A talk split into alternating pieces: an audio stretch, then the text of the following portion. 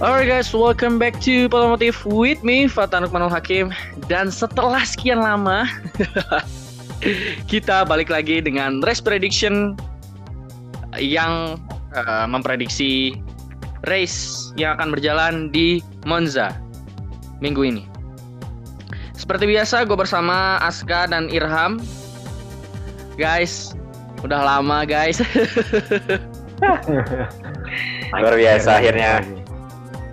Setelah kesibukan naik turun, aduh, pokoknya minggu-minggu kemarin itu keruwetan yang ada di hidup gue kayaknya memuncak di situ.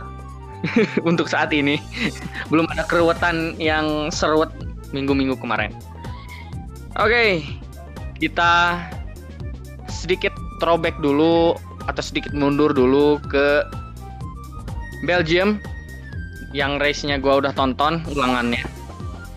Di Belgium ini performa dari Ferrari hancur. Ini nih apa ya? Performa dari mesinnya. Yang kita tahu Monza ini juga mengandalkan mesin sebagai apa ya? Hmm, sebagai titik berat yang ada maksudnya sebagai uh, tombaknya di sirkuit Monza ini adalah mesin. Yang kita tahu Ferrari mesinnya kayak ya gitulah. Kita bahas pertama Ferrari dulu. Kalau menurut gua Ferrari ini bakal ada di bawah top 10. Karena melihat performanya yang semakin ke sini semakin turun, performanya nggak ada peningkatan sama sekali. Gimana nih kalau menurut lo Ham? Ferrari. Kalau menurut gua sih Ferrari top 10. Karena biasanya nih di Monza ini buat Ferrari kayak ada keajaiban gitu. keajaiban. Paling ya 8 lah paling paling mentok. paling mentok 8. Oke. Okay. Kalau lu As? Ya. Wah, agak beda sih. Kalau dari gue sih kayaknya Wantu, tapi dari belakang. oh. ya, jadi gini. Ingat aja waktu tahun 2018, Kimi Kanpol tuh. Itu, ah itu kan padahal udah ngarepin tuh kan, eh tahunya kesalip gitu kan karena strategi dah atau apa. Nah, itu kan 2018 itu kan Ferrari itu kan masih bagus gitu ya. Nah, ini tahun 2020 udah mesinnya jelek gitu. Terus ya timnya emang lagi hancur gitu. Jadi ya kita gak bisa expect yang bagus lah. Oh. oke. Okay. kita lanjut bahas Mercedes. Hmm the OP car. Yang kita tahu party mode sudah di ban sejak ya minggu ini kan di ban ya? Bener nggak? Minggu ini kan di band hmm. Minggu ini sudah di band party mode untuk qualifying. Jadi gue ekspektasikan Mercedes ini kalau qualifying eh qualifying malah di atas. Qualifying di atas. Finish juga di atas lagi. udah itu udah kayaknya udah nggak usah ditebak gitu. Nggak usah ditebak udah. Yang one two three itu udah Hamilton. Hamilton itu Hamilton, Bottas, Verstappen. Udah. Oh, udah, udah. udah. Asli. Jadi Mercedes Mercedes semuanya opininya sama ya. Nggak ada yang beda ya. Nggak ada yang beda ya. Yuk. Oke, okay, kita lanjut Red Bull. Red Bull ini kalau di Max Verstappen suitable kalau menurut gua. Tapi kalau di Alex Albonnya, Alex Albon ini kayak mobilnya ya mobilnya sama tapi strateginya yang ampas hmm. Mm-mm, strateginya yang ampas kalau menurut lu gimana nih Ham setuju banget gue tuh strateginya kok apa ya dibikin pincang sebelah kalau buat Albon tuh padahal Akang Helmut Marko sendiri yang naikin si Albon ini ke Red Bull. Kalau menurut lu As gimana As? Oh, oke. Okay. Mulai dari Albon dulu ya kalau Red Bull ini mungkin Albon ini apa ya ya kadang kita bisa lihat kalau orang bilang strateginya beda oke. Tapi mungkin dia bisa sebenarnya bisa mengakali gitu ya eh, dengan segala kondisi yang ada. Kalau dia berhasil untuk mengakali eh, maka dia juga bakal bisa improve sih. Ingat aja waktu eh, tahun kemarin gitu ya di Monza gitu strateginya sih bagus cuman Albonnya ceroboh gitu dia sampai off track gitu ya semoga eh, Albon ini ke depannya bisa improve terus gitu kita Iya. berharap yang baik sih dari Albon gitu tapi kalau Iya. dari Verstappen sih wah ini kalau Verstappen sih udah dia udah cocok sih sama mobilnya sama chemistry timnya dia itu tinggal terus aja maju aja gitu Iya. Kita tunggu aja Mas Verstappen bisa menggebrak Red Bull lagi menjadi juara dunia. Mudah-mudahan kita lihat iya kita lihat progresnya. Dan kita move on ke tim pabrikan, tim Renault. Renault ini bagus di apa ya? Bagus di sektor kalau menurut gua sektor lurusannya ini lumayan bagus sekarang. Lebih baik daripada Ferrari pastinya. Tapi kalau ketemu belokan-belokan kenceng, ini kadang kalahnya sama McLaren. Kalau menurut lu gimana nih? Ya menurut gua sih balance ini ya Renault tuh. Mau di lurusan atau belokan kenceng. Eh, satu-satunya pesaing Renault ini ya paling McLaren bang. Hmm. Dan gua ekspektasikan Renault ini bakal ada di top 5. Dan Ricciardo ya, bukan Esteban Ocon. Esteban Ocon. Esteban Ocon mah top 10 juga udah syukur. Kalau menurut lu As gimana As? Oh dari Renault ya. Ini cukup ah, cukup eh, surprising juga karena Renault ini dari eh, Constructor Championship itu hanya beda dua poin loh dari Ferrari gitu ya. Dan Hmm. sepertinya di race ini, ya di race ini sepertinya akan menyalip poin Ferrari gitu ya. Poin Ferrari itu kan 61 gitu ya. Dan Renault itu sekarang 59 dan kalau Renault finish misalnya top 10 lah gitu atau mungkin kalau misalnya Ricardo eh, top 5 atau top 4 gitu wah itu bagus banget lah gitu improve Iya. buat Renault gitu ya Improve-nya udah ada sebuah tim yang bisa disalip gitu ya poinnya Hmm. gitu apalagi tahun kemarin eh, top speednya Renault itu sampai 366 km per jam gitu ya. Mungkin itu juga karena settingannya bagus gitu. Terus mesinnya juga reliability-nya tuh bagus gitu. Mumpuni lah. Mumpuni Renault ini udah apa ya udah step up lagi. Udah menuju jalan di mana mereka pernah menjadi juara dunia dengan Fernando Alonso-nya. Oke, kita ke tim second secondary-nya dari Red Bull yaitu Alfa Tauri. Alfa Tauri ini sangat-sangat bagus sekarang. Dengan eh eh, Daniel Dani Kvyat. Dani Kvyat udah lumayan improve. Udah nggak kayak hmm, torpedo lagi menurut gua sekarang. Tapi nggak tahu ke depannya. Dan Pierre Gasly. Pierre Gasly ini mulai menunjukkan lagi performa terbaiknya eh, dan dia juga eh, mungkin bisa ditarik lagi ke Red Bull untuk menggantikan nah, Alex Albon kalau menurut lo gimana Ham? Menurut gua hmm, Pierre Gasly ini memang cocoknya di Alfa Tauri. Soalnya kalau saya lihat-lihat ke sebelumnya kan dia kurang cocok sama Red Bull. Hmm, Sama Albon aja bagus gitu ya maksudnya. Terus untuk Daniel Kvyat sih kan tahun depan tuh mungkin bisa digantiin sama Yuki Tsunoda itu. Oh. Itu, Jago dia. Yuki Tsunoda. Yuki Tsunoda. Kita akan melihat lagi pembalap dari Asia yang step up ke Formula One. Mudah-mudahan. Bagus nih timnya lagi. Bagus. Keren keren dia balapnya keren. Kalau menurut lo As gimana As? Kalau dari Alfa Tauri ini, hmm, lumayan sih dari Gasly ini. Wah, kemarin itu udah berani side by side gitu ya di Euro. Dan sekarang kayaknya bakal lebih berani lagi ya side by side di mana pun gitu ya di track ini Iya. dengan siapa pun gitu. Tapi kalau Kvyat sih kayaknya nggak terlalu, belum kelihatan. Dan semoga Kvyat uh, tidak akan mengalami sebuah bad, bad luck lagi seperti ya pecah ban atau dan sebagainya. Karena kita juga ingin melihat uh, Kvyat gitu ya untuk berhasil lagi gitu. Iya. Fiat ini ya lumayan skillnya tapi behaviornya kata gue yang gue udah sebut kemarin-kemarin tuh behavior dari driver ini kadang jelek yang gue ekspektasiin dari Alfa Tauri di top 10 lah. At least top 10 kalau menurut lo gimana Ham? sama gue top 10 lah. Top 10 ya Sam? Itu juga cuma salah satu drivernya. Top 10 driver satunya mah ada di bawah.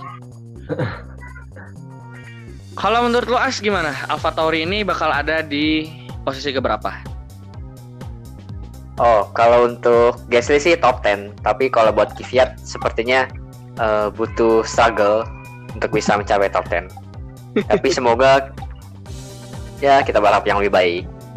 Iya. Oke, okay, kita move on ke secondary Alpha. Masih Alpha namanya.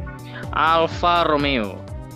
Alfa Romeo ini surprisingly Kimi Raikkonen bisa di atas duo Ferrari. Yang kita tahu Kimi Raikkonen ini di drop off oleh Ferrari ke tim secondnya yaitu Sauber ya Romeo. Uh, Sauber Romeo Sauber ke situ tapi dia bisa di Spa Francorchamps kemarin bisa ada di atasnya Charles Leclerc dan Bastian Vettel. Kalau menurut lo gimana nih Ham? Bisa di atas dua Ferrari lagi atau gimana? Untuk Monza kali ini bisa kayaknya bisa lagi. Bisa lagi ya. Karena Kimi ini driver yang sangat berpengalaman udah paling banyak kilometernya ya di Formula One. Kalau menurut lu As gimana As? Oh, kalau untuk Kimi sih dia akan mencetak poin lagi sepertinya. Itu kalau terjadi sebuah chaos di depan dan ya begitulah. Uh, karena satu-satunya pencetak poin di Alfa Romeo ini ya Kimi Raikkonen gitu. Di race pertama dia dapat posisi ke-9 dan dua poin ya.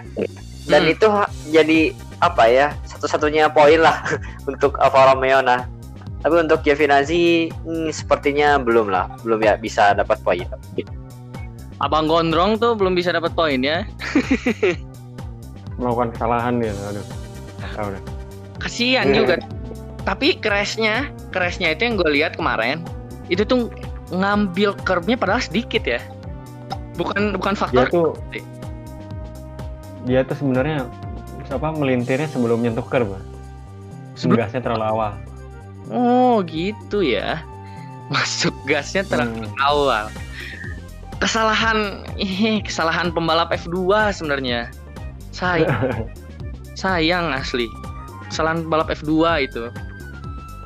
Banyakan ya. Ya finansialnya terbantulah di F2 sama Kang Gelel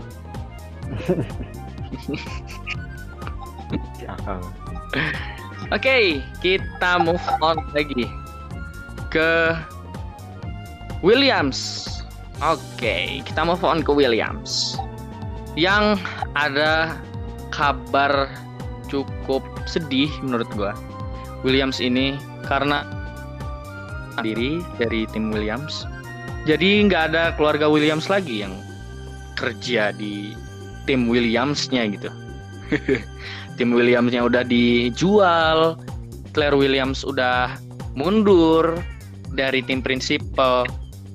Aduh, lumayan ini juga lumayan sedih. Karena tim Williams ini dulu tim juara sini-sini jadi ya jadi ampas. Tapi ya historinya itu loh. Dari waktu mereka nge ngebangun mobil awal-awal terus mereka punya Arton Senna mereka punya active suspension, mereka ngembangin teknologi CVT untuk mobil Formula One yang akhirnya di ban. Mereka juga yang ya pokoknya banyak inovasi yang dibuat oleh Williams ini. Tapi performanya sekarang udah lumayan naik karena George Russell. Ya sayang juga George Russell kemarin nabrak debris dari Antonio Giovinazzi dan crash. Kalau menurut menurut gua tim Williams ini akan berada top 13. Maksudnya 13, eh, posisi 13 untuk George Russell-nya. Tapi kalau Nicolas Latifi nggak tahu. Kalau menurut lu gimana Ham? Williams ini performanya bakal ada di mana? Ya paling rasa itu bisa tembus rasa. Tembus Cuman cute? kalau race-nya ya nggak nggak akan nyampe poin sih kak. Enggak, enggak. Nyampe poin itu belum apa? Belum belum achievable lah buat mereka. Kalau menurut lu As, Nah belum achievable. menurut lu gimana As? Hmm, kalau dari Williams, eh paling bergantung di Russell sih. Karena eh, finish posisi Russell ini paling tinggi ke 11 dan Latifi itu paling tinggi eh ke 15 gitu. Jadi hmm, sekal jadi ya kalau misalkan si Russell ini nyetak poin, wah berarti eh, ini dari posisi konstruktor ini akan menyalip Haas. Iya. Tapi kalau udah lihat dari race-race sebelumnya sih nggak ada perkembangan yang benar-benar signifikan gitu. Paling finishnya ke 16 atau ke 17 lagi. Tapi semoga saja bisa untuk meraih top 13 lah. Top 13 lah ya. Mulai step up Williams ini. Dan finansialnya udah mulai kebantu juga sama ya kemarin dibeli. Syukur juga ada yang beli. Kalau nggak ada yang beli ya mungkin timnya punah tahun depan. Udah berkurang. ya. Heeh. Oke, kita move on ke rip off-nya Mercedes yaitu Racing Point. Racing Point ini so-so aja ya. Sekarang ngelihat Racing Point ini jadi kayak ngelihat Ferrari yang ada di bawah. Maksudnya serba ini aja, serba so-so gitu performanya. Kirain Ya aja gitu. Mm-mm, B aja. Kirain gue bakal ada di top 3 gitu. Mobilnya udah nyamain Mercedes gitu. Hmm. Hmm. Cukup disappointment juga buat gue. Kalau menurut lo gimana nih Ham? Performa RP ini mentok-mentok ada di mana? Mentok-mentok sih di urutan berapa ya? Ya 6 lah, 5. 6 atau 5. Beef. Karena nih di Monza ya nanti. Karena ini nih cukup mengecewakan ini juga Racing Point yang awal memberikan harapan tahu-taunya pas race nih ya performanya mengecewakan gitu biasanya. Hmm, Harapan palsu jadinya ya. Ya, Kalau menurut lo As gimana As? Hmm, kalau dari RP ini mungkin paling bisa bersaing dengan McLaren paling tingginya. Tidak mungkin sih bersaing dengan Honda karena lihat dia poinnya paling dekat itu ya kalau di konstruktor itu cuman ketinggalan dua poin dari McLaren. Jadi Hmm. palingan ya paling tinggi sih eh, top 6 mungkin. Tapi kayaknya ya kurang yakin sih kayaknya paling paling aman sih top 10, top 8. Iya, top 8 lah. Apalagi untuk Mang Setrol ya, Mang Setrol ini harus banyak-banyak improve lagi lah. Tapi udah improve sih, udah improve. udah lumayan. Ya, lumayan. Oke, tim terakhir. Has. Has ini sebenarnya kalau menurut gua mah kayak gak usah dibahas gitu. Udahlah, mereka mah udah ada di bottom ini. Tapi kita bahas. lah, kita bahas. Performanya ini lumayan anjlok dari tahun-tahun kemarin. Yang kata gua di episode-episode sebelumnya juga emang apa ya ada masalah internal atau gimana atau Mang Gunter Steiner ini lagi kebanyakan minum vodka jadi ih performanya step down dan gua nggak expect banyak dari Haas ini di race Monza apalagi mereka pakai mesinnya mesin Ferrari ya at least mereka bisa battle-nya sama Nicholas Latifi lah. Menurut lu gimana, Ham? Ya berhubung sasisnya biasa aja, kayak mesin Ferrari, drivernya meluncur. Sebenarnya begitu. Ya lu laut aja. Ya. Nggak nggak expect, nggak terlalu berharap sih ini. Khas.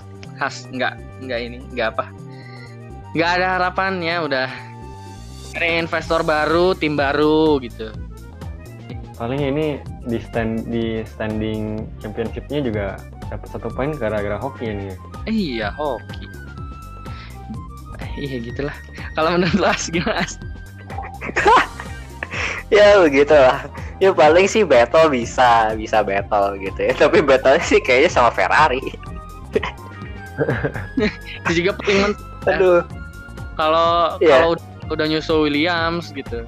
Williamsnya lagi jelek gitu. Baru eh, dia bisa battle-nya sama Ferrari. Mentok gitu. itu keprokin aja itu kalau bisa battle sama Ferrari tuh keprokin aja tuh tepuk tangan aja tepuk tangan biar rame biar rame tim khas tim khas aduh Gunter Steiner Gunter Steiner gimana jadi Jadi ini kalau menurut gua persaingan di Monza ini paling pertarungan tim pan, tim papan bawah ini ada William, Haas, Alfa Romeo sama Ferrari. Empat tim ini.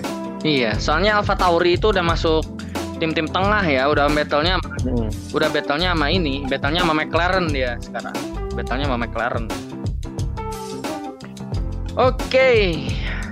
Kayaknya race prediction kali ini cukup di situ aja. Terima kasih yang udah ngedengerin. Jangan lupa di follow kalau kalian denger di Spotify. Jangan lupa di subscribe kalau kalian denger di Google Podcast. Dan jangan lupa juga untuk di favorit kalau kalian dengar di Anchor. Terima kasih juga untuk Aska dan Irham yang telah menemani kebersamaan kita di race prediction kali ini. Sekali lagi terima kasih yang udah ngedengerin.